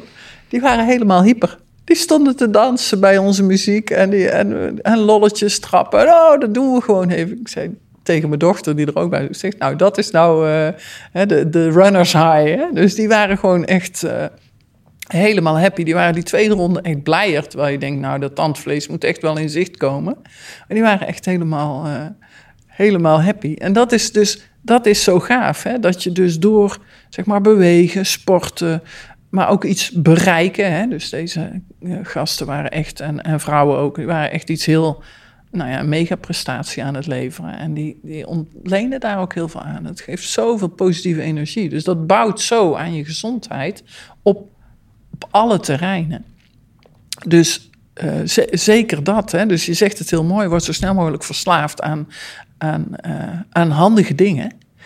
Uh, en, en dat kan gewoon, hè? Zo kunnen we, dan kun je gewoon je brein trainen. Je kunt gewoon een soort van kiezen waar jouw dopamine rush op ontstaat. Maar dat is wel nog een uitdaging. Niet om het af te zwakken, maar meer om mensen die, die kijken en luisteren uh, en mezelf ook een zet in de goede richting te geven. Soms weet je gewoon niet of iets wel of niet goed voor je is. Er zijn, er zijn mensen die echt gewoon denken dat bepaalde uh, levensmiddelen gewoon super gezond zijn. Ja. Terwijl we eigenlijk weten dat het niet gezond is. En is dan die, die even filosoferen, die dopamine rush, omdat je heerlijk die pizza naar binnen kachelt, is, is dat dan beter dan, dan, dan, dan een, een, een heel negatief denken en een, een salade eten? Ja, dat denk ik. Maar dat, daar kan ik helemaal nergens op baseren. maar, vermoeden, mijn systeem voelt, dat, dat, eh, dat, dat denk ik, ja. Ik denk dat je, als jij uh, met een goede energie die pizza naar binnen kachelt... en daarna toch lekker gaat sporten of zo... dan, dan, hoeft die, dan is dat helemaal niet zo'n mhm. drama. Mm dus ik, ik heb in die zin ook heel veel respect voor ons systeem. Dat dat systeem ook alle bagger die wij uh, naar binnen laden, op, op, nou, via onze huid of uh, longen of uh, wat dan mm -hmm. ook, die worden toch ook maar allemaal verwerkt. En mm -hmm. het, mhm. blijft, het systeem blijft gewoon doorgaan. Dus dat is ook fenomenaal. Dus, ja. dus in die zin. Resilience. Ja, ja enorm. enorm. Dus in die zin um, is dat niet. Um, per se heel schadelijk. Inderdaad, ik denk dat het, uh, dat het hoe je er vervolgens mee omgaat, of hè, wat, je, wat je verder intern in jouw systeem doet, uh, veel bepalender is. Uh, maar dat is altijd een kip-ei-probleem. Want hoe jouw uh, gedachtepatroon in elkaar zit, bepaalt natuurlijk ook voor een heel groot deel wat je gaat eten en hoe je gaat sporten en, en wat je. Hè, dus daar zit zeker een hefboom zeg maar, om uh, een beweging de goede kant uit te krijgen. Mm wat ik veel schadelijker vind, is dat je denkt dat je goede dingen aan het, aan het eten bent, uh, maar dat dat allemaal niet zo fraai is als het lijkt. En nou ben ik helemaal niet van de hypes van, oh, dit is giftig en dat is gevaarlijk. Mm Maar ik ben wel, uh, we zijn, kijk, als je kijkt naar vlees, nou, ik, ik, eet zelf geen vlees, maar uh, er is een enorm verschil in gezondheidseffect tussen bewerkt vlees en onbewerkt vlees. Aha, ja. En dat geldt, denk ik, uh, niet alleen voor vlees. Mm -hmm. Dus gewoon pure producten uh, van, hè, die, die uh, gewoon eten zoals ze gegroeid zijn. Of, Wat de natuur ons geeft. Dat is het. Mm -hmm. En um, En natuurlijk geeft de natuur mij nu ook frambozen waar wel die roetlaag van de snelweg overheen ligt. Hè? Dus dat kan ik ook niet helemaal. Ja, eh, fascinerend uit- hoeveel eten er wordt gemaakt langs de snelwegen. Ja, ja. Wie nou doet ja, er hier aan regelgeving? Ja, dat, eh, ja, maar ja, we ademen het ook in. Hè? Dus Tuurlijk, het is oh, niet het alleen. niet meer eh, het is niet alleen. Nou, dat zeg ik niet. maar nou ja, ik denk dat we het grootste deel van die rotzooi via onze longen binnenkrijgen. Ja. Maar ehm, dus er is een, en daar is inmiddels wel toenemend evidence voor dat gewoon bewerkte producten ehm, slechter zijn voor ons systeem dan onbewerkt. Bij vlees is dat heel duidelijk aangetoond. Hè? Ook voor het kankerrisico, et cetera, is dat echt onomstotelijk bewezen. Dat je, dus, dat je dus eigenlijk zegt dat het kankerrisico groter wordt naarmate je vlees eet dat bewerkt is. En dat het gelijk blijft dan wel kleiner wordt als je, als je Onbewerkt, ja. Dus een biefstuk zou in die zin een stuk minder ongezond zijn dan eh, eh, salami. Ja, ja, ja, ja. dus bewerkt oh, oh, je gaat zover. Ja, ja, ja. ja. Ja, dus dat, is ook bewerkt dus het- vlees. Hè? Dus, dus- je hoeft dus- het niet rauw te eten, maar die, al die bewerkte producten, dus alles wat in een folietje zit. En in- als je dan uit de supermarkt komt en je kijkt in je wagentje, is bijna alles het einde van een productieproces. Precies. Je Aha. ziet nergens meer bijna waar, hoe het gegroeid is of wat het ooit geweest Nee, er is. zijn kids die vaak helemaal niet meer weten waar dat varkenshaasje vandaan komt. Nee, precies. Oh, nou ja, als het dan maar een varken? varkenshaasje is. Want dat plakje worst, waar, eh, waar, waar 15, wat 1500 stappen ondergaan heeft... dat is veel verder nog van dat varkenshaasje verwijderd. Mhm, En in ieder geval ongezonder. Dus dat, daar hebben we nou echt wel, zeker bij het kankerrisico... is dat echt bewerkte vleesproducten... eh, een stuk schadelijker dan eh, onbewerkte in de zin van... ehm, ik wil niet zeggen dat het niet gekookt of gebakken mag zijn, maar al die voorbewerkingsstappen, ehm, dat, eh, daar zit een deel van de crux. En dat, dat geldt natuurlijk ook voor alle, alle kant-en-klare pakjes. Want waarom? Daar zit gewoon stiekem een pak suiker in verwerkt. Zout. Hoop zout, hoop vet. Want het zijn de drie dingen die eh, ons eh, smaakpapillen aangenaam prikkelen. Dus dat stoppen we erin, want dan hoef je minder van de zeg maar, waardevolle voedingsstoffen eh, erin te stoppen. En die zijn ook vaak wat kwetsbaarder. Dus onbewerkte, zeg maar eenvoudige eh, voedingsmiddelen zijn eigenlijk wat dat betreft veel ehm, aangenamer. En daar kun je even goed die dopamine rush op trainen. Hè? Als je echt dingen wil gaan proeven, echt smaak wil gaan beleven. Als je kijkt naar topkoks, ja, die, die hebben het niet over smaak. eh, beleving van een pakje eh, soep, hè? Helder. Maar die, over één hap van één tomaat. En dat is wel het mooie van deze tijd, dat dat, dat steeds bereikbaarder wordt. Ja. Want ik, ik zie wel een duidelijke trend dat, eh, zeker in de supermarkt, daarover na wordt gedacht. En sommige supermarktketens zijn zelfs bezig om dat te promoten. Dat is mooi. Eens, eens. Ja, zeer. En, en ik, eh, ik ben- deze zomer naar Italië geweest en dan... eh, Daar zie je dat, dat eh, er wordt ook gepromoot, hè, dat Bioppi-dieet of mediterrane dieet. En dat heeft hier heel veel mee te maken. Want dat zijn allemaal hele pure smaken. Er wordt niet, hè, zijn, het zijn geen 15 ingrediënten en geen eh, toevoeging. Ik wil niet zeggen dat de toevoegingen per se slecht zijn. Maar die tomaat zoals die is, als die super lekker is, eh, dan, is, dan geeft dat ook die dopamine rush. Hè? Dus de, gewoon eenvoudige smaken, eenvoudige gerechten met hele pure ingrediënten. En leren daarvan genieten. Maar als wij onze smaakpapillen zo met zout en eh, smaakversterkers, hè, glutamaat is ook zo'n lekker eh, stofje. ehm, daar, daar bederf je ook je smaakpapillen mee. Gistextract Dat E621 is het. en allerlei codenamen, Ja, zodat ja. wij niet weten wat Ja, het is. Nou, gist hoeft helemaal niet erg te zijn. Hè? Die maakt een biertje ook heel lekker soms. Ehm, maar dus gist in die zin is... eh, Want eh, wij leven ook bij gist. Hè? We hebben er ook allemaal een heleboel van in ons lichaam. Ehm, maar eh, het, het- bederven van je smaakpapillen... met alle kunstmatige versterkte smaken... Mhm. maakt ook dat je die dopamine rush minder ervaart... bij, Bij normaal pure eten smaken. en pure Dus, smaken, dus ja. daar kun je ook weer... dat kun je ook weer je systeem in trainen. Mooi. Mag ik eh, al verronden met een, eh, met een, eh, een eh, iets hypothetisch. Stel voor je, je kunt nu een oproep doen ehm, om de, de, de ouderenzorg direct op een hoger niveau te krijgen. Wat, wat zou die oproep dan zijn? En die oproep kan zijn naar iedereen. Ja, nou, of groepen poeh. van iedereen. Wat een kans. dan, En wat een grote vraag. ja, dat is een onmogelijke vraag. Ja, maar, dat is redelijk onmogelijk. ja. Ehm, Wat is echt nodig, Ans? ja, wat is echt nodig? Dat we echt kijken naar wat er is. Mhm. En niet naar onze angst voor wat er gaat komen. Ik denk dat daar een heel, eh, heel groot deel van ons lijden en onze behoefte om dat allemaal weg te regelen en weg te stoppen in verpleeghuizen zit. Ja. Voldoet dat een beetje aan jouw verwachting? Ja, nou, als nee. antwoord op deze Nee, vraag. dat is een want- oprechte vraag. Want je, hebt, je, hebt, je hebt er veel over nagedacht en je zit er elke dag eh, middenin. ja, En ik ken je als iemand eh, die een positieve kijk op het leven heeft en een enorme nuance heeft. Dus het komt goed. Maar er moet wel wat gedaan worden. absoluut. Als we het maar willen aanzien. En dan komt dat wel goed. Het is eigenlijk normaal, toch? Dat is het. Dankjewel. Update je mening met Anatol. Anatol is topcoach en spreker in het bedrijfsleven. Hij begeleidt leden van raden van bestuur, topdirecties en high potentials van grote Nederlandse organisaties. En traint bij New Life University mensen die willen groeien of op een kruispunt in hun leven staan.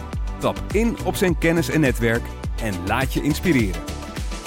Update je mening met Anatol. Update je body, mind, spirit en skills in onze gratis kennismakingsworkshop. Ga nu naar newlifeuniversity.com workshop.